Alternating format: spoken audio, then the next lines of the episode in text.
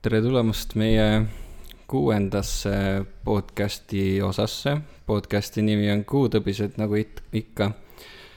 Ehm, ja seekord on taas kord intervjuusaade, aga kuna mina ja Oliver töötame nüüd erinevates linnades, mina Tallinnas, Oliver Tartus, siis äh, et seekord ma teen intervjuusaate üksi ja äkki ta teeb järgmise siis.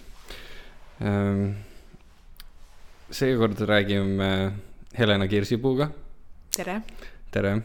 Äh, Helenat ma tutvustan natuke hiljem, aga nagu ikka, ütlen algusse selle, et ähm, see on meelelahutuslik meditsiiniline podcast, mis tähendab, et me ei anna meditsiinilist nõu ja lisaks me ei esinda kumbki neid asutusi otseselt, äh, kus me töötame. et see oleks selge. Ja eelmise osa juurde täpsustuseks veel nii palju, et meil on kolm inimest on palunud, et me üle ütleks selle, et ähm, kui me rääkisime viimastes osades, et enda keha saab teadusele annetada, siis seda täitsa saab ise teha, seda saab digiloost, sa paned sinna kindla tiki ja siis nii lihtne see ongi, saad enda keha teadusele annetada, et meile saadeti üks meil ja kolm inimest või kaks inimest kirjutas selle osas. Okei okay,, aga nii palju sellest, igastahes täna me räägime günekoloogia ja sünnitusabi residentuurist ja lisaks hiljem ka rasestumisvastastest vahenditest ja sellega seotud plussidest, miinudest, miinustest ja üldisest sellisest draamast sotsiaalmeedias, mis on tekkinud. aga jah, nagu ma ütlesin, et äh, saates on meil külas Helena Kirsipuu. Helena, kas sa tutvustad ennast? Äh, jaa, tutvustan siis ennast, mina olen äh, Helena olen hetkel kolmanda aasta sünnitusabi ja günekoloogia resident. põhibaasiks on siis äh, ITK. Ähm, mis ma siis veel räägin? räägin natuke üldiselt, et sisuliselt günekoloogia residentuur on siis neli aastat. Et äh, nagu paljude residentuuridega Eestis, siis ka meie tahaksime, et meie residentuur oleks viis aastat ja selle kallal töötatakse väga äh, hoolsalt, et see, et see läbi läheks. aga, aga noh, nüüd, kes nüüd eelmine aasta veel sisse astusid, nendel oli ikkagi nelja, nelja aasta peale, et, et vaatab, et võib-olla siis tulevikus, tulevikus äh, saame oma viis aastat kätte. Ma küsin võib-olla vahel, et äh, laiemale populatsioonile, aga noorematele resi-, mitte residentidele, noorematele tudengitele, et äh, mida gümnakoloogid ja günekoloogia sünnitusabi residentuur, et mis see endas nagu hõlmab mm -hmm,? okei äh,, ja et meil on äh, sisuliselt siis nagu kõik residentuurid Eestis on jagatud tsükliteks ja meil on siis äh, ütleme, et suure enamuse moodustavadki siis sünnitusabi ja günekoloogia tsüklid, et sünnitusabi tsükleid on kokku selle nelja aasta peale äkki kuskil äh, kümme või kaksteist, et ma võin. seleta, mida sünnitusabi oma olemuselt tähendab. lisaks sellele, et sa neid lapsi, lapsi vastu võtad.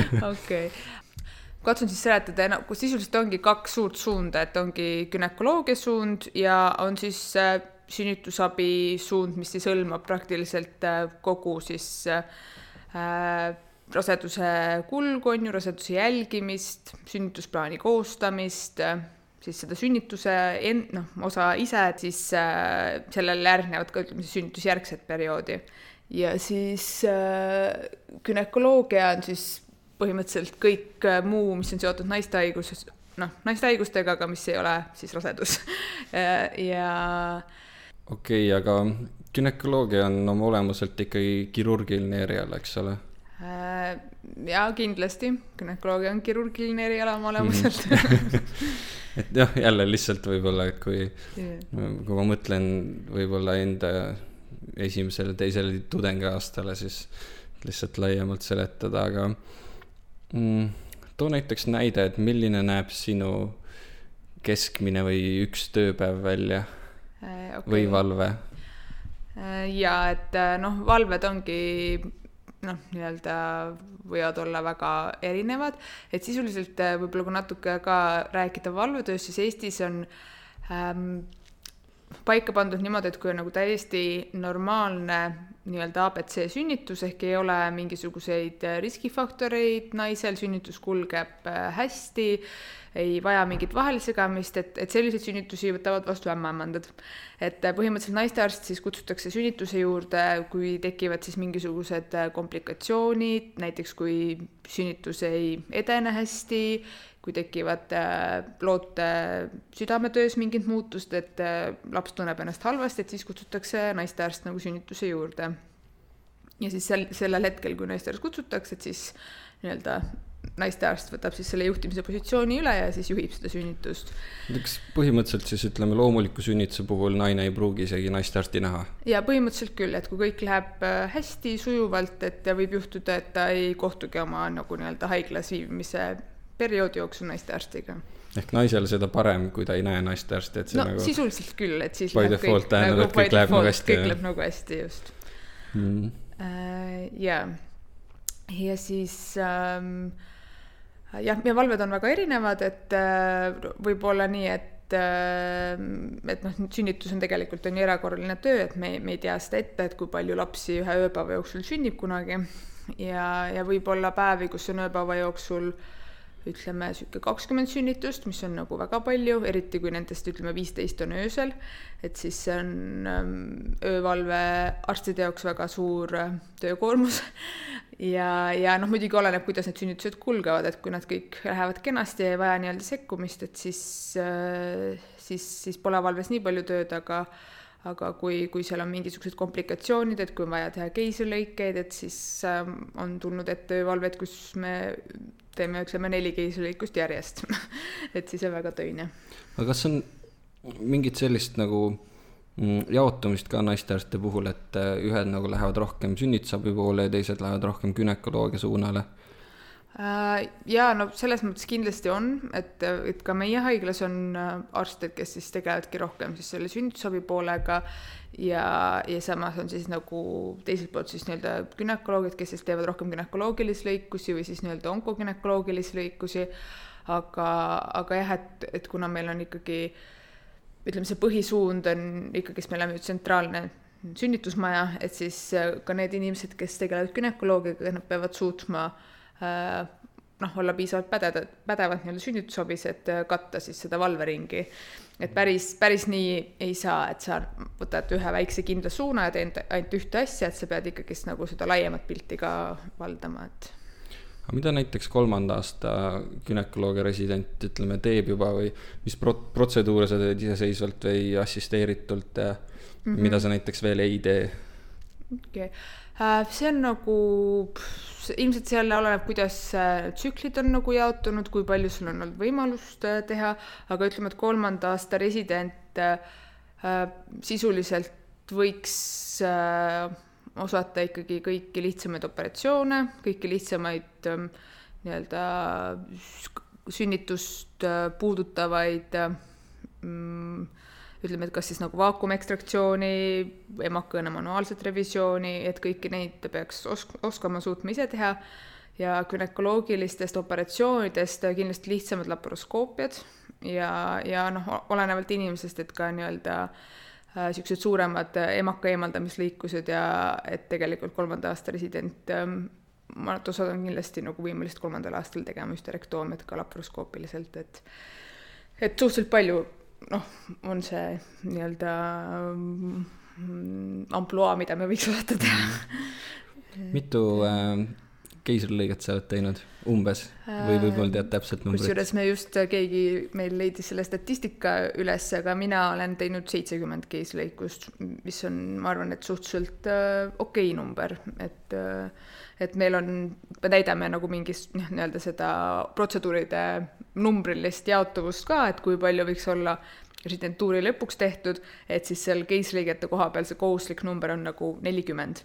et, et sellest ma olen üle teinud. Mhm. aga rääkides sisseastumisest, et äh, milline see teil välja nägi ja kas see oli raske, kui suur konkurents on mm,? sisseastumise koha pealt, et äh, minu hinnangul ütleme, et see komisjon ja, ja, ja see kõik see residentuuri noh, nii-öelda vastuvõtmine, et see on hästi objektiivne, et, et mul ei jäänud küll niisugust muljet, et kedagi noh, nii-öelda mingit onupojapoliitikat ma seal ei näinud, et ikkagi said sisse need siis, kes tõesti noh, vastasid kõige paremini tol päeval. mitu teid võeti? meid võeti seitse minu mm -hmm. aastal ja meid kandideeris neliteist, et põhimõtteliselt kohale kaks inimest ja noh, iga aasta ei ole nii suur konkurents, et olenevalt siis aastast, aga tegelikult günekoloogia on ikkagist äh, iga aasta võetud äh, kuus-seitse, et päris nagu palju inimesi. kuidas, kuidas Eestis selle meeste ja naiste jaotumisega on, et äh, ma olen kuidagi kuulnud või aru saanud, et äh, välismaal või Euroopas on nagu mehi oluliselt rohkem günekoloogias kui Eestis, et mis sa selle kohta oskad öelda äh,? Jaa, et äh, kindlasti nii-öelda välismaal ja, ja USA-s ja, ja mujal Euroopas äh, günekoloogia on enamasti meeste eriala. Ähm, ma ei tea, miks ta Eestis on niimoodi kuidagi sattunud, et meil on valdavalt ikkagi naised. et äh, noh, meil on haiglas, ma arvan, kollektiivis äkki niisugune viis või kuus mees, meessoost arsti, et ikkagist enamus on naised ja, ja noh, ma arvan, noh, see on ka selles mõttes üldiselt teistes haiglates samamoodi, et nii-öelda mõni üksik meessoost arst ja, ja ülejäänud on nagu äh, naissoost arstid. ma, ma isegi ei tea, äkki see on kuidagi ajalooliselt nii kujunenud mm. ma isegi ei oska pakkuda seda põhjust, et miks nagu Eestis nii palju äh, Äh, naisi sellel erialal on, et. jah, huvitav oleks teada, kuidas nii-öelda nõukogude ajal oli või Venemaal, et kas seal on nagu enam-vähem sama künnkultuur või mitte, aga. aga kuidas, ütleme, Eesti naised äh, meesgünekoloogidesse äh, suhtuvad, et kas pigem minnakse, pigem kardetakse seda või nagu ei ole vahet need, kes juba käinud on? ma usun, et tegelikult väga, kuidas ma ütlen, et no mul nagu isiklikult on võib-olla mõni üksik kord tulnud nagu selline situatsioon, et, et kui ma näiteks järelkontrolli aega annan või, või nii-öelda valvetoast annan aja äh, siis meessoost arstile, et, et siis patsient ütleb, et, et umbes ma vabandan, aga ma sooviks minna nagu naissoost arsti juurde, aga seda on nagu väga harva ette tulnud. et pigem ma arvan, väga ei, ei tehta sellest numbrit, et ma noh, ikka, et arst on arst ja et, et see sugu nagu ei ole oluline, noh, ega ma mm. muidugi ei tea, et võib-olla kui nad ise endale aega broneerivad, et siis nad nagu vaatavad, aga, aga et siis kui arst nagu seda aega pakub, et siis ei ole nagu tavaliselt probleemi, et mm..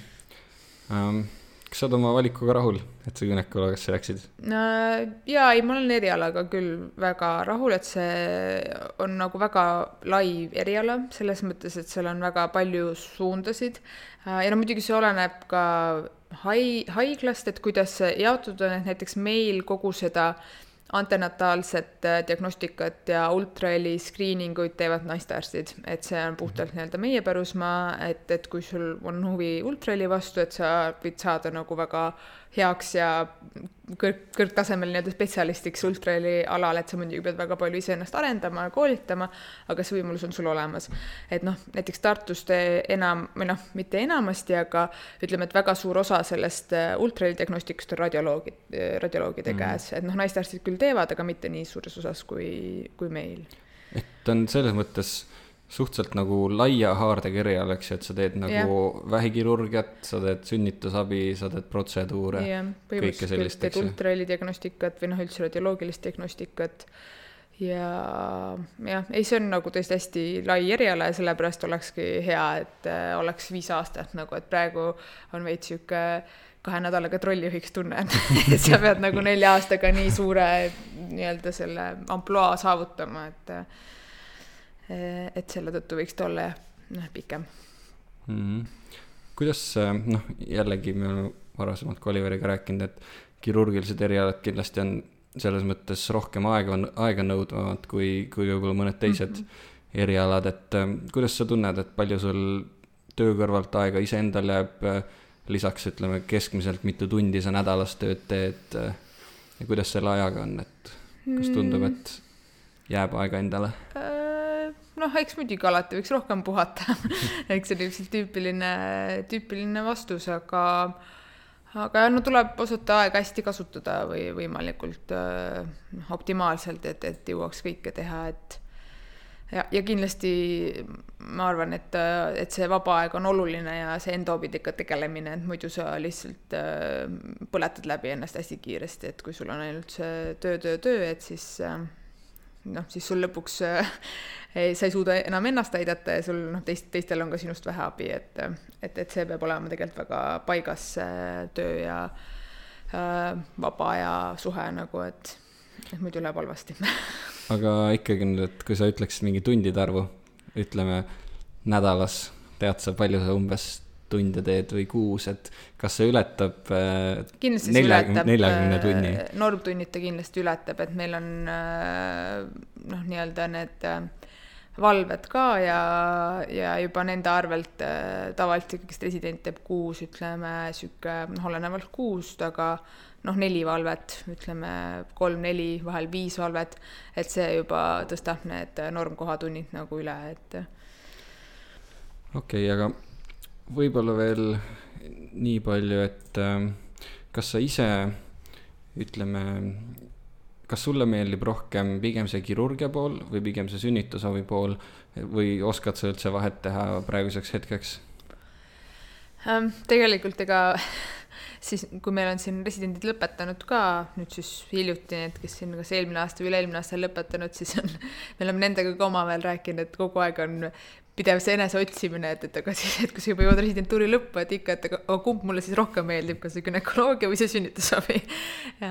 et ma arvan, et ma ka päris täpselt ei oska seda öelda veel hetkel, et noh, kindlasti mulle see kirurgia meeldib, sest et kui ma veel ülikoolis käisin ja tudeng olin, et siis mul hästi pikalt oli äh, see üldkirurgia nagu mõttes et, et ja siis hiljem tuli alles noh, günekoloogia ja sünnitusabi, et siis ma nagu mõtlesin, et see on ju ka kirurgiline eriala, et miks ma selle peale pole varem mõelnud ja, ja ma olen praegu väga rahul, et see otsus sai mm -hmm. tehtud, et see on tõesti väga nagu lai eriala ja ma arvan, et see tööpõld on ka oluliselt laiem kui, kui üldkirurgidel, et. võib-olla seda küsingi juurde, et kas, kas sa ülikooli ajal olid ka üks nendest, kes ütleme, käis gümnakoloogidega või üldkirurgidega opidel kaasas, äh, tegeles juba siis selle teemaga või pigem sa nagu ei olnud see entukas äh, ülikooli ajal? Äh, no tegelikult ma seal nendel üldkirurgilistel operatsioonidel käisin ikka ja noh, ma ütlen, selle günekoloogia ma avastasin enda jaoks alles viiendal aastal ja siis ma noh, mõnes valves ma käisin ja natukene seda polikliinikut vaatamas või noh, nii-öelda see naiste nõuandla poolt, sest et tegelikult ju ega günekoloogia kooli ajal oli ju noh, hästi teoreetiline mm., kuna noh, oma olemuse pärast ei, ei ole päris ilmselt mõeldav, et kuskil kümme jorssi lähevad mm. sünnitust vaatama kuigi ma mäletan, me käisime vist äh, nagu mingi kahekesi opisaalides just niimoodi, et grupist nagu kaks inimest läks vaatama yeah, keisrit või midagi ja. no vaata, keiser on natuke teine jah mm., et see keiser on ikkagist noh, sisuliselt operatsioon on ju, et mm., et selle linna all, aga ma mõtlen just see loomulik yeah, sünnitus ja, võib-olla see läbivaatuse pool on ju, et. naljaks oli see, et me ei teinud äh, või mitte naljaks, jällegi osaliselt arusaadav, aga õppe osas nagu veits puudujääk, et me ei teinud ühtegi läbivaatust õppe ajal ja ma isegi õppe ajal ei näinud ühtegi läbivaatust nagu ja siis, äh, ja siis sa lähed Soome, eks ju, kus sa potentsiaalselt äh, tervisekeskuses pead tegema seda, et. ei noh, selles mõttes, et ega ma mõtlen, et kui mina oma residentuuri alustasin, et äh, tegelikult see ongi, noh, sul ongi väga teoreetilised teadmised, et sul praktikat praktiliselt ei ole nagu mm, -hmm. et siis noh, kõik ongi väga uus ja hirmutav ja, ja tundub, et midagi ei tule välja, aga noh, tegelikult siis mida aeg edasi, seda rohkem saad aru, et eks see tulebki siis välja, kui sa harjutad ja mida rohkem sa nagu teed seda. et noh, samamoodi see ultraheli diagnostika, et noh, ma mäletan küll, et et kui alustasid, et siis vaatasid siis selle nii-öelda transvaginaalse anduriga ja noh, sa ei saanud, sa ei saanud midagi aru et sa ei saanud aru, kus see emakas on sul rääkimata punasarjadest, on ju. et noh, praegu tundub see kõik nii iseenesestmõistetav, aga noh, nagu tol, tol hetkel, kui see, see, sind polnud keegi õpetanud ja sa ei olnud kunagi seda ise teinud, et siis see oli väga sihuke must maa nii-öelda mm.. aga kuidas gümnakoloogidel töökohtadega on pärast lõpetamist? Äh, no mulle tundub, see on jälle mu isiklik arvamus, aga mulle tundub, et äh, noh, perifeerias kindlasti nagu iga, iga eriarsti puhul, aga mulle tundub ka, et, et ütleme, Tallinnas on äh, nii-öelda suuremates keskustes kohti ka pärast siis residentuuri lõppu nii-öelda mm. residentidele, et et need töömahud on nagu niivõrd suured ja, ja, ja noh, tegelikult on see ka, et eks günekoloogias on päris palju neid erapraksiseid ka, et noh, inimesed ikka liiguvad, on ju, nende nende vahel, et, et kes siis, kui läheb nii-öelda riigihaiglas keegi ära, siis tema koht jääb, on ju, tühjaks, on ju, et siis on sinna inimesi vaja, mulle küll tundub praegu, et on, pigem, pigem on nagu. võib-olla järgmise teema sissejuhatusega nii palju, et eh, kui oluline günekoloogias on, on naistega suhtlemine või ütleme üleüldiselt see mittekirurgiline selline suhtlemise pool, et jällegi noh, nagu lastehaiguste puhul või või mis iganes, et äh, see on selline olukord siiski, kus ma ei tea, naised on nagu haavatavas olukorras või hästi murelikud kindlasti oma lapse ja iseenda pärast. ja ei, kindlasti see suhtlemisoskus on äh, väga oluline ja hästi oluline on nagu selgitada neid äh, asju nii, et nad saaksid aru, et noh, kui rääkida nii-öelda meditsiinikeeles, et, et sageli inimesed ei saa lihtsalt aru sellest, et katsudagi siis noh, mõelda nii, et kui sa seletad mingisugust äh, asja, et siis nagu sa seletaksid oma sõbrannale, kes mm -hmm. ei ole mhm. arst, on ju mm. -hmm. et, et sihukeses, sihukeses keeles. ja ma arvan küll, et siis, kui nad nagu aru saavad ja, ja, ja neile selgitada, et siis no siis hirm kindlasti väheneb ja, ja ja, ja läheb nagu lihtsamaks ja no muidugi kõik, mis rasedusega seotud on ja kõik see, et, et kui seda ultraheli pilti näidata, et, et kõik on korras ja süda mm. lööb, on ju, et siis see ka seda hirmu oluliselt vähendab et.... kas see filmistseen, mis alati igal pool on, kus sa paned selle anduri kõhu peale ja siis äh, ema kuuleb oma lapse südamelööke, kas see on reaalne asi, mis te teete? Äh, või see on rohkem niisugune Hollywoodi? Äh, südamelööke, no põhimõtteliselt sa saad küll panna selle Dopleri peale, mis mm. paneb need südamelöögid kostuma, aga, aga noh, ütleme, et kui nad KTG-d teevad, et seal küll on sellest põhimõtteliselt sama Doppleri põhimõte, et kus see südamelöögid mm. on nagu kuulda et aga jah, me ei, me selles mõttes rutiinselt ei tee, et ei esi, esimese asjana paneme kohe kõrva selle peale. siis et... emad nutavad ja ja ei, päris seda, aga näitame küll ultraheli pildi pealt, et lööb ja. jah, ultraheli need, noh, väga tihti, kui keegi, eriti esimese raseduse puhul, eks ju jõuavad Instagrami ja Facebooki mm. need ultraheli pildid, mis yeah, te olete yeah. nagu kaasa andnud, eks ju, kus see beebi seal, ma ei tea, pöialt imeb või aga see on väga nagu suure emotsionaalse väärtusega, et. absoluutselt jah.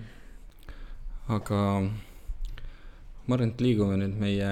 põhiteema juurde. meie põhiteema juurde, et aitab küll günekoloogiast kes seda nii kaua kuulata viitsib ei, muidugi räägime põhiteemast. aga igastahes, igastahes põhiteemaks täna meil on äh, rasestumisvastased vahendid. ma olen RVV kirjutanud, sest ma nagu püsivalt struggle in, et see välja öelda nagu kiirelt. aga igastahes rasestumisvastased vahendid. Ähm, see on teema, mis äh, vähemalt ütleme, minu silmis või minuni on jõudnud kuidagi viimasel ajal hästi palju poleemikat ja draamat mis on, mis on seotud siis rasestumisvastaste vahenditega, et võib-olla ma jälgin või minu tuttavad jälgivad valesid Instagrami kontosid, aga, aga ütleme, minu kui äh, arstini äh, on erinevates seltskondades äh,, mitte meditsiiniseltskondades, just nagu pöördutud või selle teemaga on jõutud nagu minuni, et, et äh, mis ma arvan sellest äh, ja noh, ütleme mittespetsialistina, eks ma midagi muidugi tean, aga mhm. mittespetsialistina väga raske nagu selgelt äh, sellele, nendele küsimustele vastata. aga mm, räägi natuke, et mis on rasestumisvastased vahendid ja mis, äh, mis võimalusi meil Eestis ja maailmas on ja kuidas need võimalused üksteisest erinevad? nii, et sisuliselt äh, võib jagada siis rasestumisvastased vahendid niisuguses suures plokis kaheks, et on hormonaalsed ja mittehormonaalsed meetodid. Äh, mittehormonaalsetest meetoditest äh, efektiivseid rasestumisvastaseid vahendeid on äh, ütleme, et vähem. kõige tuntum, levinum on kondoom. ja, ja teine, mis on siis ka mittehormonaalne, on siis vaskspiraal. et sisuliselt vaskspiraali siis see toime ongi lihtsalt, et ta takistab siis selle raseduse kinnitumist äh, emaka seina külge, et ta kuidagi ei reguleeri menstruaaltsüklit äh,, menstratsioon käib täpselt samamoodi ja ta ei mõjuta kuidagi nii-öelda hormoon, hormoonide tasakaalu. takistan sind sealt edasi rääkida, aga et äh, kui efektiivsed on, eks, kondoom ja vaskspiraal, kui kondoomi õigesti kasutada, ja noh, vaskspiraal, vaskspiraal ka nagu üleüldiselt ähm,? Kondoom on tegelikult, kui õigesti kasutada ja, ja kogu aeg kasutada, et kondoomiga on sageli see probleem, et et kui patsiendid ka vastuvõtul on ja noh, et kui me küsime, et günekoloogi tava, tavaküsimus on, et mis on rasestumisvastane vahend, et siis öeldakse kondoom ja siis, kui küsida sinna täpsustav küsimus juurde, et kas iga kord, et siis noh, siis sageli on see vastus, et mitte iga kord. ja noh, seal tekibki see probleem, et mm, et, et, et et menstruatsioonitsükkel kui selline on väga kõik, või no mitte kõikuv, aga väga paljudest asjadest mõjutatav. et inimesed küll ütlevad, et jah, ma tean, et mul käib nagu kellavärk kakskümmend kaheksa päeva, aga, aga seal on väga palju faktoreid, ütleme alates stressist, kaalu langusest, kaalu tõusust, füüsilisest aktiivsusest, et, et tegelikult ei saa nagu kunagi öelda, et see menstruatsioon käib täpselt äh, nii, nagu ta mm -hmm. peaks käima ja, ja selle ovulatsiooni ajaga, noh, ma olen tihti märganud seda, et patsiendid äh, pole nagu päris täpselt aru saanud, et millal see ovulatsioon võiks tulla. ja, ja siis ongi see, et arvatakse, et, et jah, et menstruatsioon algas, et järelikult neliteist päeva edasi ja siis on ovulatsioon ja kui ma sellel ajal nagu vahekorda väldin, et siis on, ma ei jää rasedaks mm. -hmm. aga noh, tegelikult ovulatsiooni arutatakse nii-öelda tagantpoolt ettepoole, et ovulatsioon äh, tuleb siis nii-öelda neliteist päeva enne ole, järgmist oletatavat menstruatsiooni aga kui see oletatav menstruatsioon, et ütleme, et mingil põhjusel tsükkel kõigub ja tsükkel ei ole mitte kakskümmend kaheksa päeva, vaid on näiteks kolmkümmend kaheksa päeva, siis see ovulatsioon tuleb nii-öelda eespoolt vaadates oluliselt hiljem, kui patsient on seda arvanud mm. -hmm ja kui ta arvab, et jah, et ovulatsioon oli ära, nüüd on nii-öelda enam viljastumine ei ole võimalik, on ju, ei kasuta mingeid vahendeid ja mingil põhjusel on menstruatsioonitsükkel mänginud väikse vingerpussi ja ovulatsioon jääb hiljaks, siis tegelikult äh, kui tema arvab, et nüüd on okei okay olla ilma vahendite, kaitsevahendite vahekorras, siis tegelikult see rasedus võib päris kergesti mhm. tekkida. Ja... sellega sa suuresti seletasid ära ka selle, et kuidas ütleme, see päevade lugemise Just. meetod ei ole see ei ole kahjuks jah usaldusväärne, et ja, ja, ja see ka, et, et võib-olla paljud äh, inimesed ei, ei tea seda või, või noh, ilmselt Google ikka ütleb, aga, aga sisuliselt, kui äh, nii-öelda mehel on kõik korras, ta on terve äh,, sperma nii-öelda eluvõimeline, siis äh, no, naise suguteede sperma elab viis, viis, viis ööpäeva, et noh, et kui sa arvad küll, et ma vältisin mm. seda ovulatsiooni, on ju, et, et kõik on nagu nii-öelda kindel ja olla hiljem vahekorras, ovulatsioon jääb veel hiljaks ja siis ütleme, et ongi see viiepäevane aken, et tegelikult äh, on võimalik rasedaks jääda küll. ja, ja noh, inimesed on väga erinevad, et see viljakus on noh, naistel ka erinev et, et osadel tõesti piisabki, ütleme, et ühest vahekorrast ja jäävad rasedaks ja noh, ütleme, et see viljatuse pool ja kõik see on hoopis veel pikem teema aga, aga jah, et jah, et see kalendermeetod ei, ei ole nagu sellepärast usaldusväärne, et, et see menstruatsioonitsükkel võib äh, võib äh, teha oma, oma korrektuure nii-öelda mm. -hmm. ja. Mhm. ja siis see äh, vaskspiraal. jah, vaskspiraal äh,, et vaskspiraaliga on äh, ta on efektiivne vahend, kuna ta on kasutajast sõltumatu, et ta, me paneme selle emaka sisse, et seal ei ole mingit seda, et, et kas unustab pilli võtta või, või noh, ütleme naine nagu ise seda ei reguleeri. et see vaskspiraali noh, nii-öelda efektiivsus on ikka seal, ütleme, üheksakümmend kaheksa, üheksakümmend üheksa protsenti, et on ikkagi väga efektiivne. Äh, noh, tal on kindlasti omad sellised äh, noh, ütleme, et probleemid võib-olla, et kuna ta ei, ei reguleeri seda menstruaaltsüklit äh,, ei, ei kuidagi ei vähenda seda emaka limaskesta, siis mingil põhjusel osadel naistel menstruatsioonid lähevad väga vererohkeks ja seetõttu see vaskspiraal ei noh, lihtsalt nagu nii-öelda äh, äh, ei sobi nende elukvaliteediga, et võib-olla, et menstruatsioon hakkabki olema kaks nädalat ja on väga vererohke, et see nagu häirib elukvaliteeti, aga see ei juhtu kõigil, et alati noh, kõikide rasestumisosaste vahenditega, et kui mina patsiendile äh, tutvustan neid meetodeid, siis ma ütlengi, et see on väga individuaalne, et äh, kui ei ole nagu proovinud, et enne ei saa teada, et kahjuks see nii on, et noh, ma ei saa öelda, et, et see sulle kindlasti sobib. Aga, aga, aga lihtsalt äh, tulebki proovida. Ja, ja mis need äh, hormonaalsed meetodid on ja mis noh, tegelikult nagu no nad on väga uuritud, on ju, me teame, et pillid on aastast tuhat üheksasada kuuskümmend turul, et need on ütleme... küsin enne seda ka, et et kas sa nimetaks neid äh, hormonaalsete meetodite nagu noh, nagu alatüüpe ja, või? jaa, okei okay., et sisuliselt äh, kui me vaatame hormonaalseid meetodeid, siis need saab ka jagada kaheks, on siis ähm, äh, kombineeritud rasestumisvastased vahendid, mis sisaldavad äh, siis äh, tabletid sisaldavad nii östrogeeni kui progesterooni, et mõlemad on siis naissuguhormoonid. ja, ja on meetodid, mis sisal-, sisaldavad ainult siis progesterooni analooge, et seal on siis ainult siis progesteroon sees, et -hmm. mis noh, nendes sees puudub see östrogeeni komponent ja, ja kui neid nagu võrrelda, siis need kombineeritud vahendid, miks nad on nagu ütleme, võib-olla mugavad inimesele ja, ja head ja neil on tegelikult noh, seal ma vaatasin, sul oli küsitud ka, et mis on nagu näidustused, välja arvatud mhm. rasestumisvastane vahend, et noh, näiteks ongi vererohked menstruatsioonid, väga valulikud menstruatsioonid, et, et seal on tegelikult ka noh, nii-öelda kombineeritud äh, hormonaalsetel vahenditel oma, oma koht, et nad reguleerivad tsüklit, vähendavad äh, veritsushulka ja vähendavad siis seda düsmenorread, mis osadel inimestel väga äh, noh, on väga elukvaliteeti häiriv, et tõesti esimesed kaks päeva on ainult voodis krampides, et valudes siis valudes just. Mhm. ehk siis ütleme, need on need põhjused, miks naistearstid võiks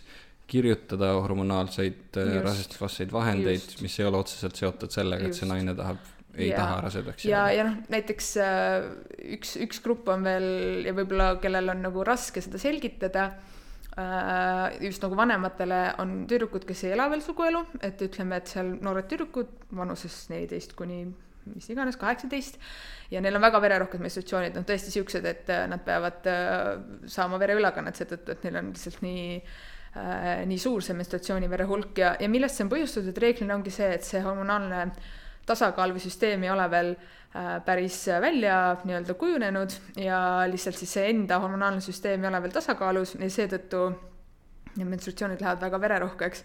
Ja, ja seal on küll tegelikult ka väga oma, äh, oma koht hormonaalsetel vahenditel ja näiteks ka, kui on, tulebki inimene nii-öelda ägeda verejooksuga ja tal ei ole mingeid vastunäidustusi, ta on noor inimene, äh, siis me kutsume seda nii-öelda mm, hormonaalseks äh, verejooksu peatamiseks, et, äh, et siis need inimesed võtavadki isegi suuremas annuses neid kontratseptiive, näiteks äh, just vaatasin huvi pärast Soome juhendeid, et seal näiteks ütleb täiesti, et äh, kolm tabletti päevas, et muidu mm -hmm. võetakse üks, et siis esialgu alust-, kui alustatakse seda verejooksu peatamist, et siis võetaksegi kolm tabletti ja, ja siis mingi hetk saab seda annust vähendada, et see nagu oluliselt vähendab seda veritsuse hulka ja, ja saab selle nii-öelda verejooksu nagu pidama nii-öelda.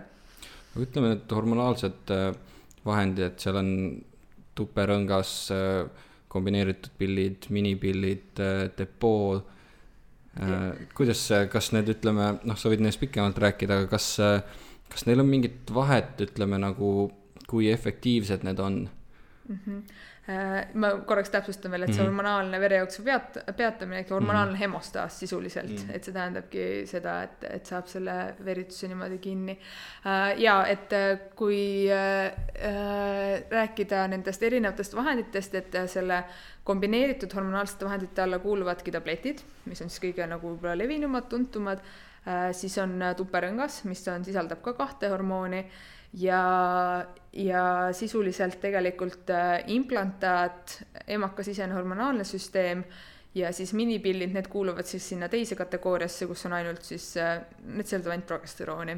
et, et seal ei ole östrogeeni. emakasisene hormonaalne süsteem ehk siis äh, spiraal, eks ju? spiraal, just. maakeeli. maakeeli spiraal ja, jah, hormonaalne spiraal, et äh, neid hormonaalseid spiraale on ka jah, selles mõttes erineva mm, toimeaine sisaldusega et äh, on nii-öelda kõige äh, madalam, siis on keskmise sisaldusega ja siis äh, Mirena ehk kus on siis kõige nii-öelda suurem see hormooni hulk, et, äh, et Mirena on tegelikult ka näiteks näidustus äh, äh, ravi osas inimestel, ütleme naistel, kes siis hakkavad jõudma äh, menopausi perioodi või menopausi eelsesse perioodi, et, et seal on täpselt samamoodi nagu noortele inimestele, et see hormonaalne, naise hormonaalne süsteem kohastub ümber ja samamoodi enam need hormoonid ei tööta päris nii, nagu nad mm. ütleme, fertiilses eas ja tekib see probleem, et see emaka limaskest hakkab nii-öelda üle kasvama ja, ja, ja tekitabki rohkeid äh, veritsusi, ehk siis me kutsume seda endomeetriumi hüperplaasiaks. ja see, et et kui see endomeetrium hüperplaasia kestab pikka aega ja midagi ette ei võeta, ei ravita seda, et sellest võib üks hetk areneda emaka limaskeste vähk mm. -hmm. et, et seetõttu see Mirena on nagu omal kohal ka äh, ravimeetodina, et seda ei juhtuks nendel äh,, nendel inimestel ja noh, mis nende võib-olla emakasiseste hormonaalsete spiraalide kohta veel öelda, on see, et et uuringute põhjal, eriti veel nende, kus on nagu see hormoonisisaldus väga väike nendes spiraalides, et uuringute põhjal nad ikkagi ütlevad, et neil on enamasti lokaalne toime, et neil ongi emaka mm -hmm. limaskestale see toime, et sellist nii-öelda süsteemset toimet, et nad väga suures osas nagu vereringesse imenduksid, et tegelikult see noh, see protsent on ülimalt väike. aga noh, ega noh, täpselt samamoodi nagu ka selle vaskspiraaliga, aga ma ütlen ka inimestele, et tegelikult reeglina mingeid suuri kõrvaltoimeid ei tohiks olla, et et äh, ei, ei, ei peaks olema mingit kaalutõusu, mingi noh, mida seostatakse nende hormonaalsete vahenditega, ei tohiks olla ma ei tea, peavalusid, meeleolu kõikumisi, et tegelikult nagu kõike seda ei tohiks olla, aga noh, inimesed on individuaalsed ja kui osadel inimestel on, et siis järelikult ongi, et peab proovima, kui ei sobi, et siis noh, siis, siis saab eemaldada selle äh, vahendi. aga nendest efektiivsustest, et kindlasti jälle need, mis on nagu kas siis emakasisene vahend või implantaat, et see, mis on nagu kasutajast sõltumatu, et need on efektiivsed, need on noh, tõesti ülimalt efektiivsed, et niisugune üheksakümmend seitse, kaheksa, üheksa protsenti. ja noh, pillide puhul ja tuperinga puhul on täpselt see, et äh, oleneb, kui äh, regulaarselt siis inimene neid tarvitab, kas tal on meeles võtta iga päev pilli, kas äh, kas seda tuperingas on meeles vahetada, et et äh, kui noh, kui ma olen ka patsientidega vestelnud ja osad nagu ütlevad tõesti, et no noh, et ma, mulle sobivad need hormonaalsed vahendid, et mul ei ole mingit kõrvaltoimed, aga ma lihtsalt ei suuda iga päev neid võtta, mul ei püsi meeles.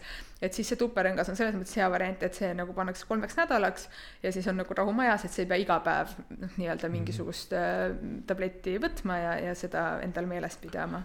selle igapäevase tarvitamise osas, et äh noh, ütleme, palju räägitakse sellest, et, et neid äh, pille igapäevaselt peab tarvitama täpselt samal kellaajal. et kas see on tõsi ähm,? Nende hormonaalsete pillidega äh, sisuliselt kombineeritud pillidega see ajafaktor, ütleme, et kui ikkagist niisugune kolme-nelja tunni sees võtta, ta toimib. et kui ka päris ööpäeva vahele ei jäta, et siis äh,, siis ta toimib. ja ütleme, et kui inimene ei ole niisugune regulaarne pilli unustaja, et kui ta ühe päeva unustab selle pilli võtmata, et, et reeglina seda rasedust ei teki, et tavaliselt nendel inimestel, kes, kellel pillide foonilis rasedus tekib, nemad ikka nii-öelda päevi jätavad võtmata, et mhm. unustavad. ja minipillidel on natukene nagu väiksem see ajaaken, et seal öeldakse, et ikka niisugune tunni aja sees võiks, võiks ära võtta, aga noh, samamoodi, et kui sa ühe päeva unustad, et siis äh, reeglina rasedust ei teki, et. Äh. ütleme noh, liigume võib-olla täpsemalt just nende kombineeritud äh, pillide, minipillide ja spiraalide peale, et kuna need on, nagu ma aru saan, kõige sagedasemad, eks ju, mida kasutatakse. et ütleme, mis on, mis on vastunäidustused, mille puhul mõnda neist või ühtegi neist ei saa kasutada või ei kasutata? Äh, ja et kui me räägime siis kombineeritud vahenditest, et mis sisaldavad ka östrogeeni, et äh, seal on äh, selgelt ikkagi, et kui on inimesel endal olnud süvaveenitromboos, kui ta, kui tal on auraga migreen et äh, siis need on nagu kindlad äh, vastunäidustused, äh, millal ei ole lubatud siis kasutada kombineeritud pille. ja seal tulevad muidugi ka siuksed noh, nii-öelda, väiksed mitu faktorit kokku panna, et noh, näiteks ütleme, et ka, et kui, kui inimene on üle kolmekümne viie aasta ja ta suitsetab, et, et ka siis ütleme, et need kombineeritud pillid ei ole kõige parem variant, et, et ongi, et kuna suitsetamine ise tõstab juba tromboosi riski ja kui sinna lisada östrogeeni sisaldavad pillid, et siis see tromboosi risk noh, läheb kõrgemaks. ja see kõik on selle, need kõik, ütleme, olukorrad on vastunäidustatud siis selle tromboosi riski tõttu pea. põhimõtteliselt küll, jaa, et et ka see auraga migreen, eks ju. just, just mm, -hmm. et see auraga migreen täpselt samamoodi. ja, ja siis äh, noh, gümnakoloogidel või WHO on siis öelda, nii-öelda teinud väga hea sellise äh, äpi, et kuhu sa saad sisestada siis äh, kõik nii-öelda olukorrad, mis patsiendil on ja ta arvutab ja näitab sulle, et millised, äh, kui sobilik see vahend siis on nii-öelda, et põhimõtteliselt ühest kuni neljani, et neli on absoluutne vastunäidustus ja üks on see, et pole nagu mingit vastunäidustust mm. -hmm. et siis seal on kaks ja kolm on ka, et kaks on ka sisuliselt see, et, et tegelikult ei ole mingeid suuri riske, et võib kasutada ja kolm on siis see, et, et kui on võimalus, siis kaaluda mhm. mingisugust muud, muud varianti aga mis te, mis te nende naiste puhul kasutaksite siis, kellel need vastunäidustused on, et kas on midagi võimalik kasutada? Äh, jaa, et tegelikult kõik need ainult äh, progesterooni sisaldavad vahendid äh, on lubatud, et seal ei ole seda venoosset trombi riski, et kui inimesel on näiteks auraga migreen, et siis minipillid on lubatud, implantaat on lubatud, hormonaalne emakasisene vahend on lubatud,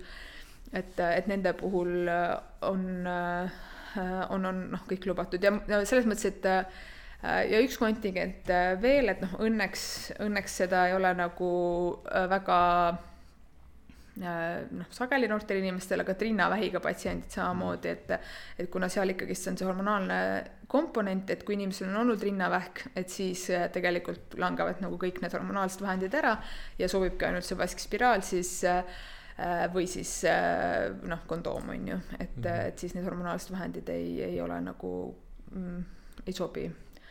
Nii, aga ütleme hormonaalsete mm, rasestumisvastaste vahendite kõrvaltoimetest, et nagu sa juba ütlesid, siis hormonaalspiraali puhul see verre imendumine on nagu minimaalne, eks ju. Mm -hmm.. ehk siis, äh, kas ma saan õigesti aru, et see või noh, okei okay,, räägi sina sellest äh, pigem edasi, et mis need kõrvaltoimed võiks olla ja mille puhul rohkem on ja, ja nii edasi ja et äh, sisuliselt nende hormonaalsete spiraalidega või üldse emakesiste vahenditega ongi see, et et paigaldamise järgselt miks paljudele inimestele see nagu ei meeldi või ei sobi, on see, et paigaldamise järgselt võib päris mitu kuud olla selline vähene veritsus ja see hakkab nagu inimesi häirima.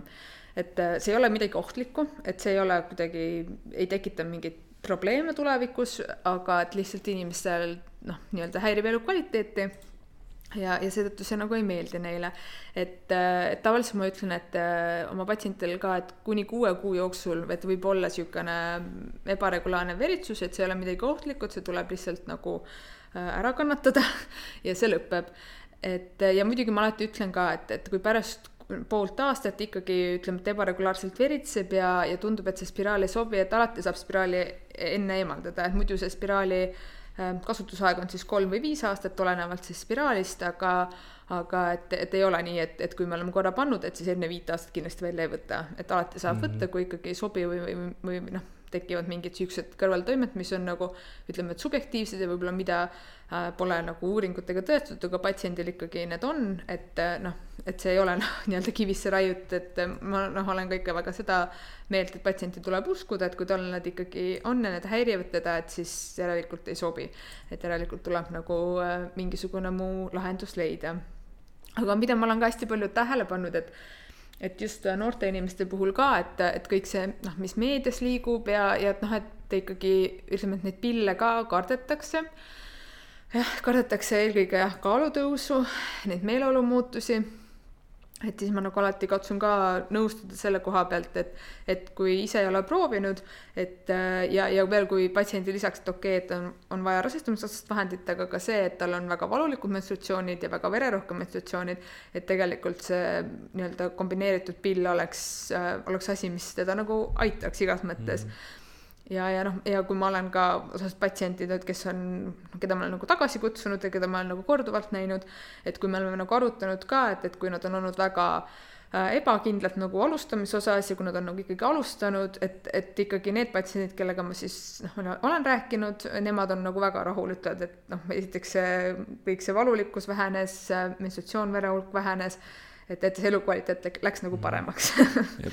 Ütleme piisavalt jõuab ka minu kõrvu seda infot või ütleme meediast ja mujalt, et et keegi ei tea, kuidas rastumisvastased vahendid, ma ütlen nüüd, mõtlen nüüd hormonaalsed just, inimese kehas toimivad ja neid ei ole piisavalt uuritud, et mis sa selle kohta oskad öelda, selle just, et kas neid on piisavalt uuritud, kaua need on olnud, et põgusalt? jaa, ei kindlasti neid on äh, piisavalt uuritud, et äh, ma arvan, et pillid on ühed kõige kauem turul olnud ravimid üldse, et kui nad kuuekümnendatel aastatel tulid, on ju, et, et sellest on ikka väga pikk äh, aeg möödas, et pea kuuskümmend aastat või noh, ongi kuuskümmend aastat möödas. Ja nad on nagu äh, et, et vahel on ka inimesed, kes ütlevad, et, et ütleme, et nad on kuskil seal nelikümmend pluss vanuses, ütlevad jaa, et ma noorena proovisin, et nii ebameeldiv oli ja, ja et kõik iiveldus ja oksendamine, et kõik siuksed kõrvaltoimed tekkisid et ma noh, ma ei ole muidugi kindel, et kas, kas see oli selles, aga ma ise olen nagu mõelnud, et, et need noh, pillid selles mõttes on kindlasti teinud nii-öelda arenguhüppeid edasi, et kui nad turule tulid, siis äh, miks oli võib-olla kõrva, rohkem kõrvaltoimed, oli see, et ei teatud päris täpselt, et kui suurt äh, hormooni nii-öelda sisaldust on vaja, et hoida ära rasedust. aga noh, tänapäeval on nii kaugele jõutud, et see hormoonisisaldus on viidud nagu täiesti miinimumini et äh, ütleme, siukseid äh, iiveldust ja oksendamist ja, ja noh, neid kõrvaltoimed ikkagist esineb üliharva. et kuna lihtsalt see hormoonisisaldus on nii väikene ja no mida ma sageli oma patsientidele ka näitan, et äh, et, et arvatakse seda, et see kuidagi kõik see hormoonide nii-öelda tarbimine, et see põhjustab nii-öelda organ, organis väga, organsüsteemis väga suure kaose, et hormoonitasemed lähevad väga kuidagi kõikuma ja noh, läheb paigast ära kõik.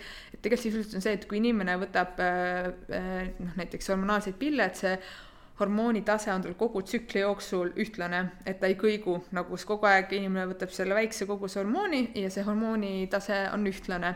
et ütleme, kui inimene hormonaalset vahendit ei tarvita ja nii-öelda see oma tsükkel, et seal on kõik nii-öelda erinevad, kui hakkab menstruatsioon, kui on ovulatsioon, et nende perioodide jooksul on tegelikult väga suured äh, kõikumised äh, hormonaalses süsteemis, et noh, nagu nii-öelda loogiliselt võttes, kui vaadata neid äh, noh, uuringuid, et siis tegelikult võiks väita, et ka need meeleoluhäired ja, ja siuksed meeleolumuutused võiks pigem esineda inimese loomuliku mhm. tsükli mm -hmm. jooksul, kui, kui nii-öelda hormonaalseid kontratseptiive kasutades. sest tegelikult sellel ajal see hormonaalne tase on palju ühtlasem kui, kui loomuliku tsükli jooksul. siia vahele selline küsimus veel, et kuidas Eestis äh, üleüldiselt äh, tahtmatu raseduse ja abordinumbritega on kas ütleme, võrreldes Euroopaga, kas see on hea, kas see on keskmine, kas see on viimastel aastatel paranenud ähm,? tegelikult Eestis on üldiselt ikkagi asi läinud kogu aeg paremuse suunas, et ma vaatasin natuke statistikat, et ütleme, et aastal tuhat üheksasada seitsekümmend tehti aastas circa nelikümmend tuhat aborti siis äh, kaks tuhat seitseteist aastal oli see number seal kuskil viis tuhat kaheksasada. et ta on nagu ütleme, et kaheksa korda langenud, et äh, märgatav äh, langus on toimunud ja ma arvan, et tegelikult need noh, on küll võrreldavad muude Euroopa maadega, et, et neid aborte ikkagist tehakse oluliselt vähem ja noh, mis on minu meelest paradoksaalne, kui siin nagu jälgida ka, et meedias, et et ühelt poolt valitsus ja käib, käib ettepanek keelustama abordid, on ju, ja samas mm. teiselt poolt äh, meedias on väga suur äh, turm tuli avatud nende hormonaalsete vahendite vastu mm., et, et mida me siis äh, teeme siis, et, et naised siis ei elagi suguelueelset aborti ei või teha ja hormonaalsed vahendid ja rasestumisvastased vahendid on ka paha-paha, on ju. et, et noh, see on nagu noh, veidi paradoksaalne, et Hmm,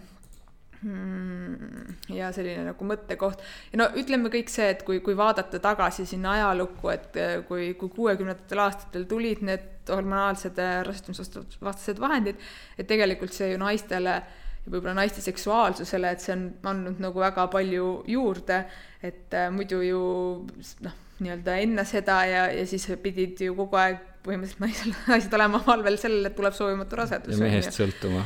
ja mehest sõltuma sisuliselt ja mm. et, et nüüd on nagu see oluliselt noh, laiendanud seda noh, valikuvabadust ja, ja, ja seda, et et äh, naistel on nagu suuremad õigused siis nii-öelda ka noh, ütleme laias laastus oma keha üle ka, et et, et ei pea mm. olema kogu aeg paaniliselt valve, et tuleb soovimatu rasedus uh küsin veel äh, SOS pillide kohta, et ähm, kas naised peaks SOS pille kartma, äh, mis mõjusid see võib omada nende tervisele, kas äh, seda peaks kasutama rasestumisvastase vahendina omaette?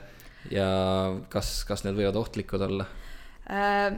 noh, sisuliselt äh, hormo- või see, mina ütlen alati seda, et abort ei ole teab mis hea rasestumisvastane vahend ja samamoodi ei ole ka SOS pill hea rasestumisvastane vahend. et kui patsient mu vastuvõtule tuleb ja, ja ta ikkagi ütleb, et ta korduvalt võtab SOS pille, et siis ma ikkagi katsun temaga arutada seda, et äkki me leiame mingisuguse muu vahendi. Äh, noh, sisuliselt, mis see SOS pill on, et ta on äh, suures koguses äh, hormonaalne kontratseptsioon, et ta sisaldab äh, ühte noh, sedasama progesterooni analoogi, aga hästi suures koguses. ja no mis ta teeb, et ta nagu siis kutsub selle nii-öelda raseduse katkemise või lase rasedusel kinnituda sinna ja, ja, ja pärast seda ta siis nagu nii-öelda selle menstruatsioonitsükli lükkab ka täiesti paigast ära. et äh, ja noh, see võib võtta paar kuud aega, enne kui ta jälle nii-öelda taastub oma tavapärasesse rütmi äh, noh, mingeid siukseid suuri kõrvaltoimeid või, või, või et oleks kuidagi eluohtlik või tekitaks kuidagi trombi või, või mingit sihukest asja, et, noh, seda ei, nagu ei pea kartma, et kui ikkagi on juhtunud ja on vajadus võtta seda SOS pilli, siis noh, kindlasti ta on nii-öelda leebem variant mm -hmm. kui mhm. aborti pärast teha. aga noh, seal on ka oma ajalised kriteeriumid, et, et see peab olema väga hästi nagu ajastatud, et see, et see töötaks, et ei ole päris nii, et läheb viis päeva mööda, sa võtad, et siis noh, siis on juba toimunud viljastumine ja ja see nii-öelda esi, esmane mm -hmm. implantatsioon, et siis ta enam ei toimi nii-öelda. ja, ja SOS pilm, SOS pillid ikkagi, nad ikkagi väldivad seda viljastumist, mitte ei katkesta juba viljastunud äh, äh munarakku ja et see äh, nii-öelda SOS pill, miks ta peabki siis järgmisel vahekorra järgsel siis hommikul või noh, seitsmekümne kahe tunni jooksul võtma, et selle SOS pilli mõte ongi see, et ta lükkaks edasi seda ovulatsiooni ja, ja seda viljastumisprotsessi, et, et ta ei laseks sellel viljastumisel toimuda, et aga jah, seal on see ajaline faktor väga oluline ja, ja noh, taaskord, et kui seal on mingi menstruatsioonitsükli vingerpuss toimunud, et siis see ei proovi, ei pruugi töötada, et mm. -hmm. mis ma alguses, äh, podcast'i alguses mainisin, on, on see, et minu on jõudnud nagu mitmest allikast see, et äh, Instagramis, sotsiaalmeedias on üles tekkinud ütleme, hormonaalsete rastumisvastaste vahendite niisugune vastane äh, peade tõusmine. ja noh, mida just võib-olla eriti välja on toodud, on siis sotsiaalmeedia või Instagrami konto Paljas porgand, et see on siis influencer, kes on väga jälgitud ja kes on siis oma postitustes äh, väga aktiivselt räägib siis äh, hormonaals-, just hormonaalsete rasestumisvastaste vahendite kasutamise vastu ja ütleme, kutsub ka inimesi või naisi siis üles sellele vastu seisma või sellele nagu tugevalt äh, mõtlema, väites, et need on siis ohtlikud. Ähm, jah, ütleme jah, see kampaania nende vastu on suhteliselt aktiivne, kui te kontot vaatasin, ta on eraldi pikad Instagram story'd selle kohta, ta räägib sellest väga sageli. ja väga palju ta jagab või räägib ka siis naiste lugusid, kes on talle äh, kirjutanud selle osas oma kogemusi. Ähm, lisaks ka lugusid, kuidas äh, nii-öelda siis nende kirjutanud naiste puhul nii arstid kui ämmaemandad on pille neile peale surunud, äh, kuidas on jäetud mainimata hunnikuid kõrvaltoimeid või neid on eitatud. et ähm, mis sa arvad, kuidas see, kuidas selline äh, meedia covering äh,, et kas see on, ütleme, ühiskonnale ja sellele valdkonnale hea äh, või ohtlik pigem ja kas, ütleme, tema jutus on, on nagu midagi tõelist ja mõistlikku või pigem see on sellised üksikud välja nopitud elemendid, mis kokkuvõttes pigem tekitavad nagu ebausaldusväärsust arstide süsteemi vastu. niisugune pikk küsimus, aga äkki saad vastata? ja no ma kahjuks kardan küll, et, et pigem on ikkagi sellel negatiivne mõju ja ja no tänapäeval see probleem, ükskõik mis elualalt me räägime ja noh, kindlasti meditsiin on see, mis puudutab on ju igaühte meist ja, ja aru saada, ütleme teadusartiklitest või, või nendest äh, internetis leiduvast materjalist, et mis vastab tõele ja mis, mis ei vasta tõele, et see on väga keeruline, et kui sa ise ei ole arst, et siis äh, aru saada teadusartiklitest, et see, noh, see on keeruline. Ja, ja, ja seal nende põhjal mingeid järeldusi teha, et, et ma noh, ma arvan, et see ei ole õige. Selles mõttes, et kuidas ma seda nii-öelda toon näite, et, et mina ei tea näiteks äh, mingisugusest äh, torude parandamisest, torude parandamisest midagi autodest autodest ma ei tea midagi. et, et ma ei võta sõna äh, teemadel, kuidas autosid parandada, sest et mul puuduvad nagu adekvaatsed teadmised selle koha pealt mm. -hmm. et, et noh, natuke samamoodi on, on ka, on ka selle kontratseptsiooniga et, et kui ikkagi noh, me oleme arstiteadust õppinud ülikoolis ja teame, et seal on väga palju erinevaid äh, mehhanisme, kuidas farmakokineetika toimib, kuidas ravimid mõjuvad kehas, kuidas inimese füsioloogia toimib, kuidas naise menstruaaltsükkel ja hormoonid äh, muidu muutuvad kõikides äh, eluetappides. et, et see ei ole nagu selline, kuidas öelda, ühe mütsiga löömine, et, et sellest aru saada, et see võtab nagu aega ja, ja palju ressurssi, et sellest aru saada ja, ja, ja et osata nagu nii-öelda selekteerida seda adekvaatset infot ja, ja seda infot, mis, mis lihtsalt on kellegi subjektiivne arvamus. noh, küll aga äh, kui rääkida sellest, et, et naistearstid ja ämmaemandad suruvad peale seda kontratseptsiooni, et äh, nagu me enne ka juba noh, mainisime, et see või, või arutasime seda, et et see ikkagi on ju inimese vaba, vaba tahe, et kui ütleme, naistearst kirjutab selle äh, tableti välja, et see, kas inimene selle retsepti realiseerib ja kas ta seda reaalselt nagu võtma hakkab, et see kõik on nii-öelda tema enda otsustada ja noh, meedikutena on kindlasti oluline äh, teha see riskikalkulatsioon, millest ma rääkisin enne, et, et kõik küsida täpsustavad küsimused, perekonnanamnees, auraga migreen äh,, kas on süvaveinitromboosi olnud, et, et kõik selgitada neid äh, toimeid ja no lõpuks ikkagi selle otsuse võtab vastu patsient ise, et kas ta kasutab seda või mitte et noh, kindlasti peab olema lihtsalt väga hea selgitustöö ja noh, nõustamine selle kontratseptsiooni koha pealt. ma küsin veel vahele, ütleme üks asi, millest ta siis ka oma story des räägib, on, on see, ütleme, et äh, naistearstid ja ämmaemandad nagu kas suruvad peale, aga ütleme tungivalt siis soovitavad naistele äh, ütleme siis äh, hormonaalseid pille peale, et äh, räägi võib-olla enda kogemusest, et kas te neid soovitate, kuidas te räägite sellest, kas see on siis toores pealesurumine või ei ole, et no ma ei saa kõigi koha pealt sõna võtta, aga noh, ma räägin sellest, sellest enda nii-öelda kogemusest ja nõustamisest, et noh, kuidas mina seda tavaliselt, seda kontratseptsiooni nõustamist teen, et noh, me alati on ju küsime seda, et see meie nii-öelda töö küsida seda, et millist rasestumisvastast vahendit inimene kasutab ja, ja kui ta ütleb, et ta ei kasuta näiteks patsienti, et siis minu järgmine küsimus on see, et kas te raseduse korral sünnitate või teete aborti et minu meelest see on nagu selles suhtes äh, hea küsimus, et, et siis näitab, et kas inimene on nagu mõelnud selle peale, et mis juhtub, kui ta peaks soovimatult rasedaks jääma. ja no paljud tõesti ütlevad, et jaa, et äh, noh, ma otseselt ei planeeri, aga kui ma rasedaks jään, ma sünnitan ja siis ma ütlen, et selge, teema on lõpetatud, läheme, läheme järgmise mm -hmm. punkti juurde. aga kui ta ütleb, et ei, ma teeks kindlasti aborti, et ma ei ole valmis lapsi saama, on ju, et siis äh, lähme siis tagasi sinna ja siis äh, noh, arutame neid äh, meetodeid ja, ja ma katsun siis äh, selgitada noh, neid hirme ja, ja see, ma vaatasin, et sul oli ka see punkt äh, seal sisse toodud, et see, et, et veritsust ei tule ja et kas see on kuidagi ohtlik, et, et see on mm, -hmm. sageli patsiendid küsivad seda minu käest ka. ja, ja siis ma alati äh, toon selle näite, et äh, siis patsiendid nagu sageli on, et tõepoolest, et ma ei mõelnud selle peale niimoodi mm, -hmm. aga siis ma tavaliselt võtangi, ütlen, et nii, kujutame ette, et, et, et aasta on tuhat üheksasada kakskümmend ja ühtegi rasestumisvastast vahendit ei ole.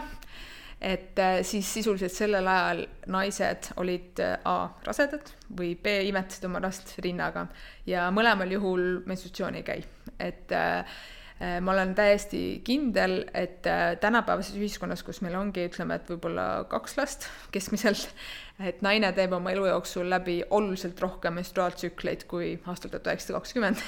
et mm. ütleme see, et, et see igakuine menstruatsioon, et see ei ole, kuidas ma vahel ütlen, et ini-, noh, naised ei ole loodud siia maailma menstrueerima, on ju.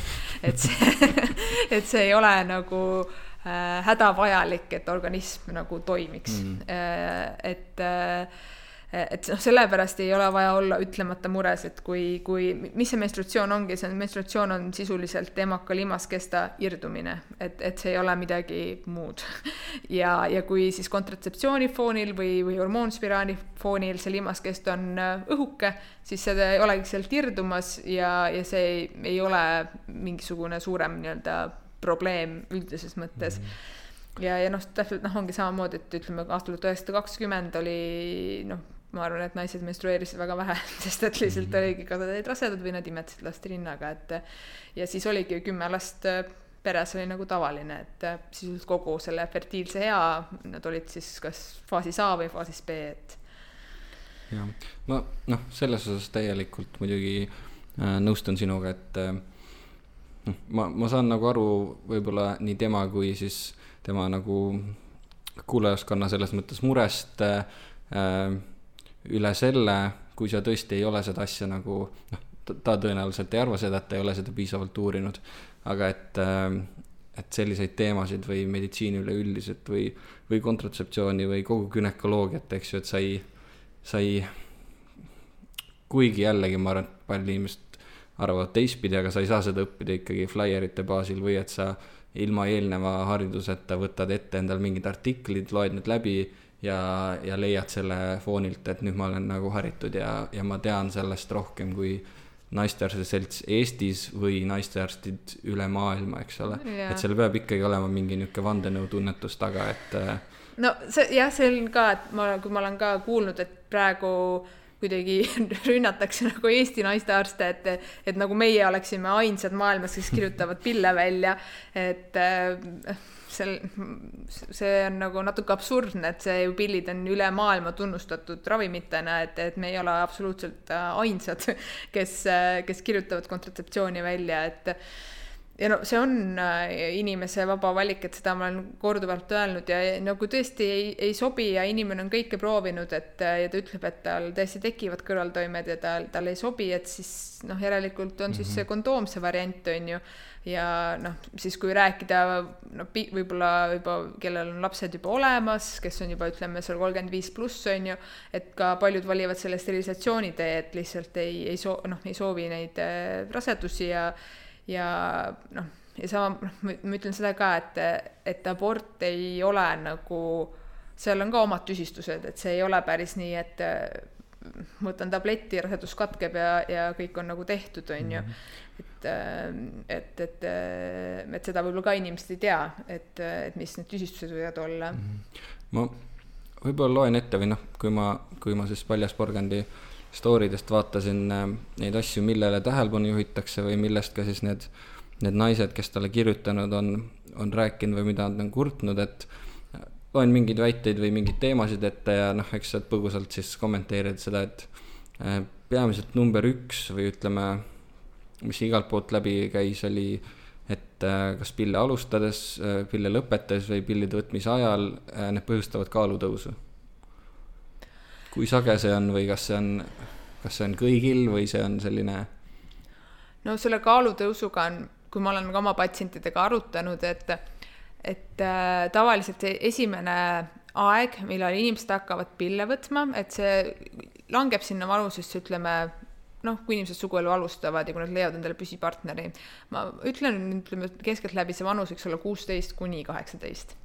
ja, ja selle perioodiga on see probleem, et, et, et sellel ajal inimese keha muutub nagunii, et lapse kehast mm -hmm. saab naise keha, see tähendab seda, et äh, östrogeeni ongi rohkem raskudet ongi rohkem, et äh, noh, nii-öelda need naise kumerused tulevadki sellel ajal välja ja, ja kui see satub sinna pillide alustamise ajale, et siis võib sageli tunduda, et see on seotud nende pillidega mm. -hmm. aga aga, aga tegelikult see üsna tihti nii ei ole ja kui ma olen arutanud ka patsientidega, et noh, tegelikult see pill ise kaalu ei tõsta, on ju, et see kaal, kaal tõuseb ikka seetõttu, mis sealt suust sisse läheb.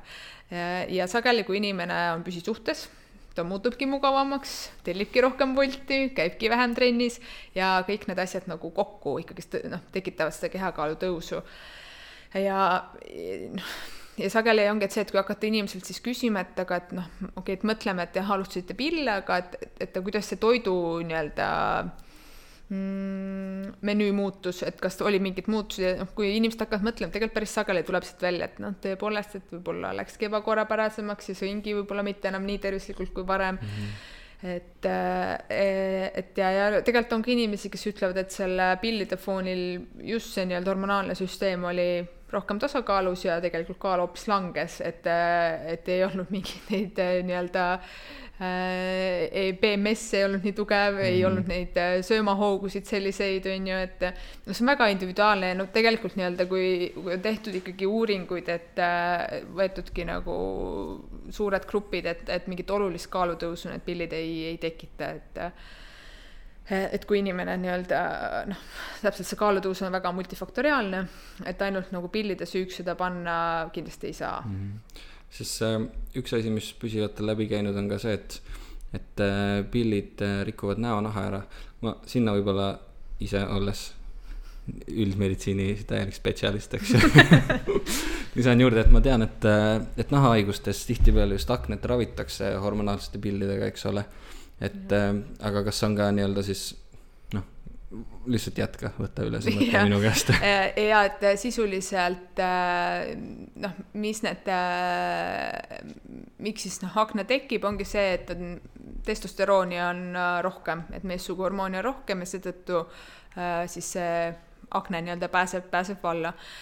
ja, ja kui kasutada nagu nii-öelda äh, hormonaalset kontratseptsiooni siis äh, kas siis need nii-öelda suguhormooni siduv globuliini tase on kõrgem ja ta seob rohkem ära ka testosterooni, ehk siis nagu veres on vähem testosterooni ja seetõttu on ka akne nii-öelda, aknet vähem.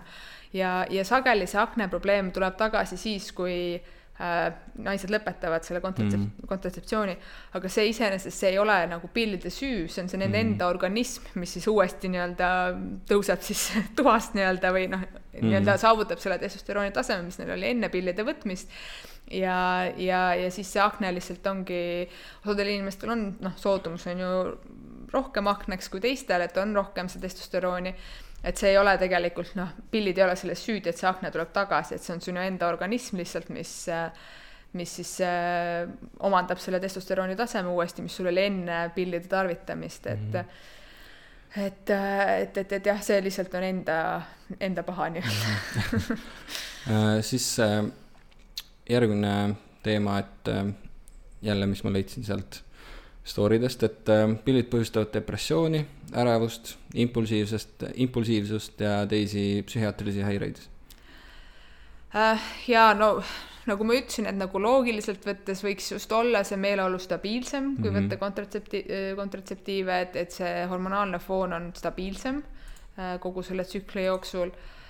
ja no kuna sa ise oled psühhiaater, et sa kindlasti tead, et, et see on täpselt samamoodi väga multifaktoriaalne, kõik need meeleoluhäired, depressiivsus, ärevushäired mm. -hmm. et kas just äh, see pillidega seotud on, et et noh, sageli see on nagu loomulik, et inimesed, kui neil tekib mingisugune terviseprobleem, et nad tahavad äh, seda põhjust nii-öelda saada kätte mm -hmm. ja kui see satub olema samal ajal, kui nad hakkasid kontratseptsiooni kasutama, et äh, noh, see võib olla nii-öelda lihtne, lihtne lahendus, et, et seetõttu on see tekkinud. noh taaskord, et nagu. ei ole otsest või noh no, ei, ei saa leida seost, otsest seost pillidega, eks ole, et nagu, nagu paljude nende asjadega, mis ma ette olen lugenud või loen, et, et noh, see on selline ütleme, selline termin nagu cherry picking mm, -hmm. kus sa mhm. leiad endale mingi, mingi sümptomi, eks ju, samal ajal sa tarvitad mingit ravimit ja sa suudad need kaks seostada, ilma võib-olla leidmata seda, et seal võib olla kümme muud asja, mis just. põhjustavad sedasama, sedasama asja ja aga no jällegi noh, taaskord, et ähm, ma alati nagu rõhun sellele, et kui ikkagi see on nagu subjektiivne tunne ja patsient arvab, et see on sellest, et no tuleb uskuda teda mm -hmm. selles mõttes, et ei, ei Selle saa öelda, et, et ei, et unusta ära, et see ei ole kindlasti see, on ju. et, mhm. et siis lihtsalt äh, öeldagi, et okei okay,, et, et äh, siis teeme pausi pillidest ja, ja kas siis proovib midagi muud või, või vahel ka nagu aitab äh, või noh, mis aitab, et, et pillidel on selles suhtes, et ütleme, et see östrogeeni komponent on seal suhteliselt analoogne kõigis preparaatides, et neil on seal võib-olla väiksed doosierinevused, aga see on suhteliselt sarnane.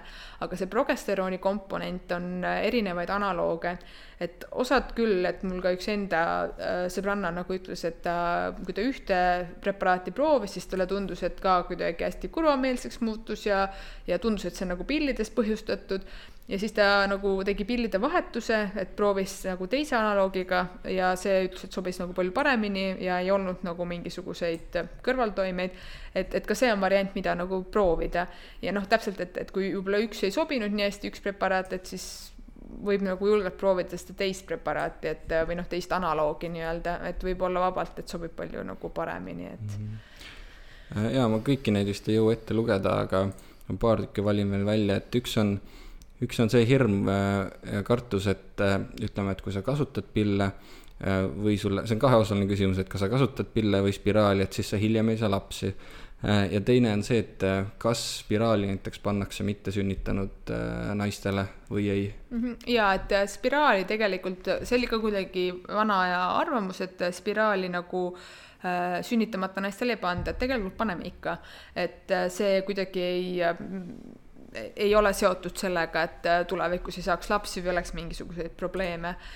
Äh, ja, ja see teine küsimus, et äh, ma ütlen, et see viljatuse teema ja, ja, ja see on väga võib-olla suures osas veel teadmata, et me ei tea nagu kõiki põhjuseid, mis, miks äh, rasedus ei teki, aga no mida me teame, on see, et, et, et need ei ole rasestumisvastased vahendid, mis seda tagavad, et et kui on tehtud nii-öelda suured uuringud, et võetud, ütleme hästi lihtsalt, kümme tuhat naist, kes kasutasid viie aasta jooksul kontratseptsiooni, mingisugust hormonaalset ja kümme tuhat naist, kes pole elus ühtegi hormonaalset preparaati kasutanud ja vaadatud siis neid gruppe, et nendel on rasestumisega probleeme, et ei ole leitud mingit seost, et oleks selles grupis siis, kes neid hormonaalseid vahendeid kasutas, et et nendel oleks kuidagi suurem siis viljatuse protsent või noh, et seal ei ole nagu leitud mingisugust seost ja pigem noh, viljatusraviarstid isegi ütlevad seda, et noh, näiteks kui naisel on PCOS siis polütsüstilise munasarjade sündroom, et, et see menstratsioonitsükkel on väga ebaregulaarne. et ütleme, et see PCOS-i ravi es,, esimene ravi on tegelikult, ongi hormonaalne kontratseptsioon, et, et reguleerida natuke seda munasarjade tööd ja, ja et saaks see tsükkel regulaarselt toimima, et näiteks nendel patsientidel vahel tuleb täiesti kõne alla see, et paar kuud võtavad äh, neid pille, reguleerivad tsüklit ja pärast seda ütleme, et see rasedus tekib äh, nii-öelda kiiremini, kui nad ära lõpetavad, siis see tsükkel mingi paar kuud jookseb nagu regulaarselt ja selle aja jooksul on võimalik rasestuda, et mm. -hmm. siis mu üks küsimus või mis seal oli ka välja toodud, oli, et et see on ebatervislik, kui su päevad ära jäävad või, või sa neid edasi lükkad, aga sellest me tegelikult rääkisime, et, et selles mõttes, et et see ei, või noh, jah, see teema sai juba kaetud, et ja, see ei no ole oma olemuselt ebatervislik. no see just, et, et see kuidagi ei, ei mõjuta mingis pikas perspektiivis mingeid noh, täpselt samamoodi nende, kui ma ütlen ka, et, et nii spiraaliga kui ka nende pillidega, et sisuliselt kui me spiraali eemaldame või kui me pillid lõpetame, et järgmine tsükkel on võimalik rasestuda, et see, see ei ole kuidagi niisugune, et nüüd ma ei tea, kolm aastat taastub viljakus, et et need on väga nii-öelda pöörduvad protsessid nii-öelda, et. Mhm.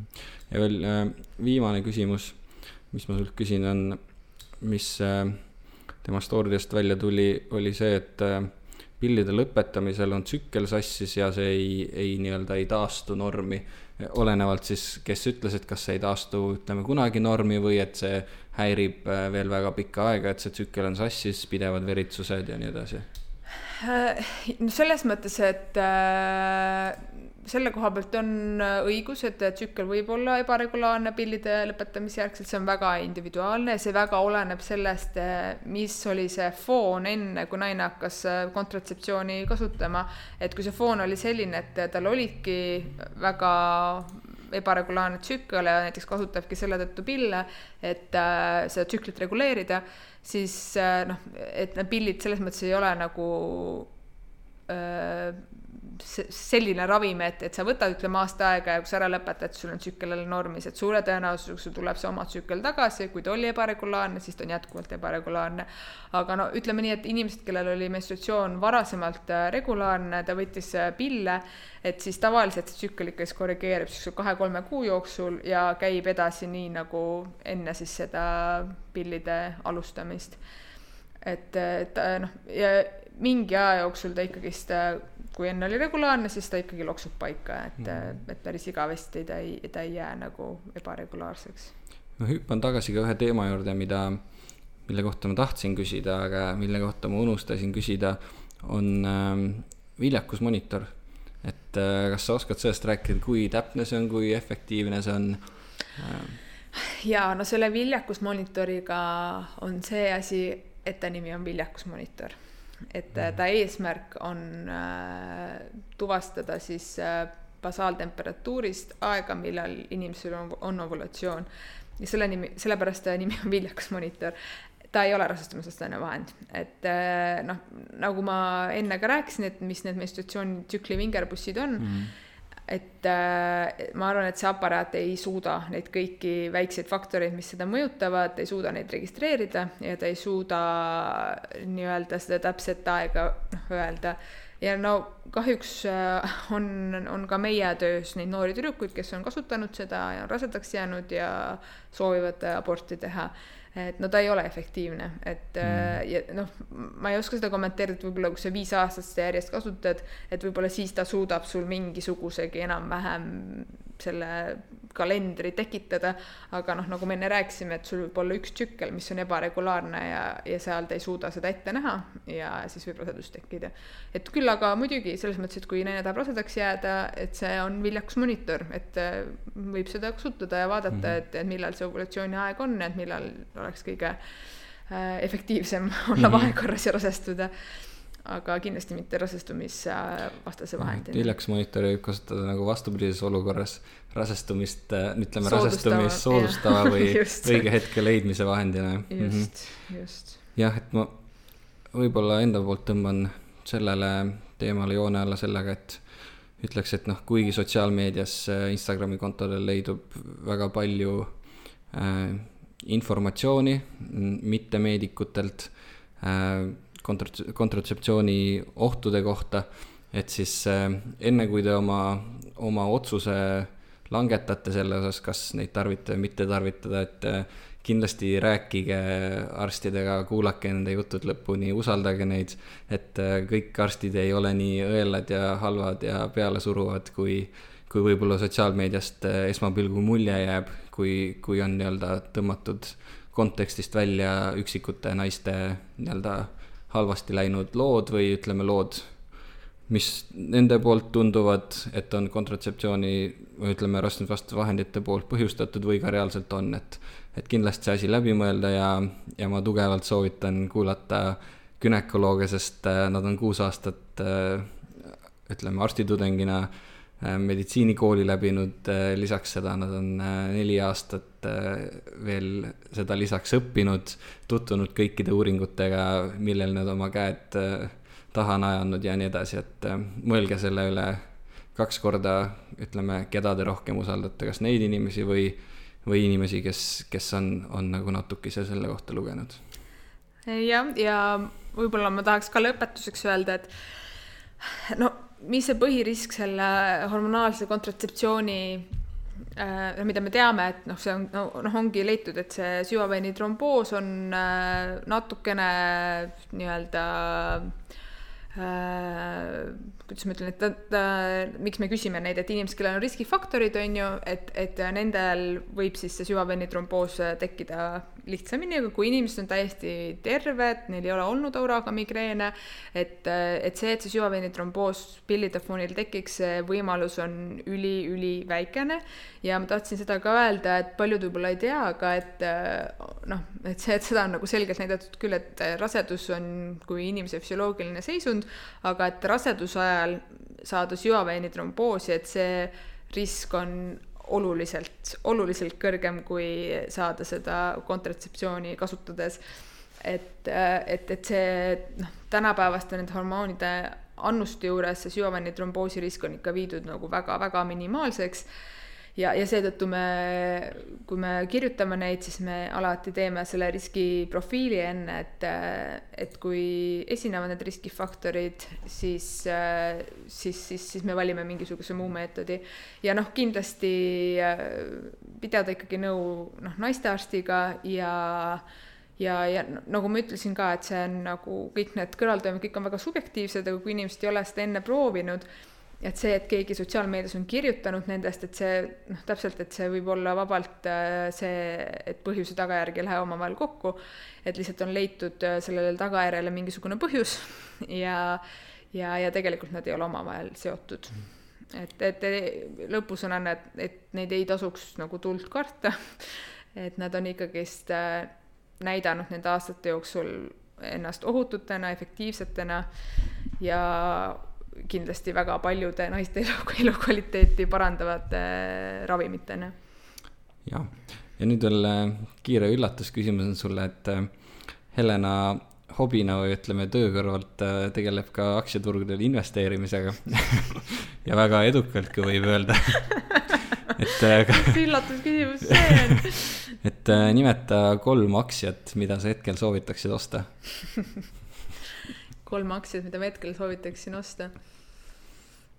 No ma arvan, et äh, USA turult äh, on siis äh, Tesla konkureeriv aktsia NIO, et ma arvan, et sellel on tulevikus on, et tal on tulevik ühesõnaga et, et see, see, see on, mida võiks osta.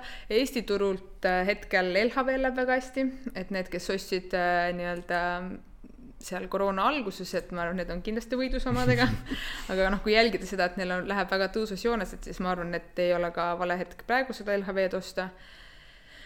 ja siis äh, USA turult, no võib-olla need, kes alustavad investeerimisega, et, äh, et kui osta mingeid indeksfonde, et, äh, et siis äh, need ka tasuvad ennast kindlasti ära, on väga stabiilsed, et ma ei tea, kui SB viissada või noh, mingi kõige tavalisemad, et ja ma arvan, et sellega ei, ei lähe alt, et.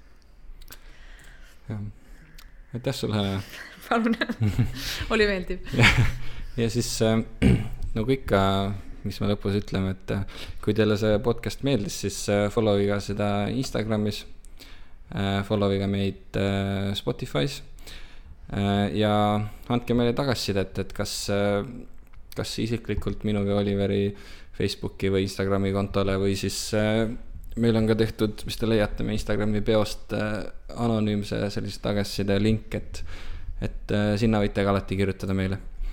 ja aitäh, et kuulasite ja järgmise korrani, tšau. tšau.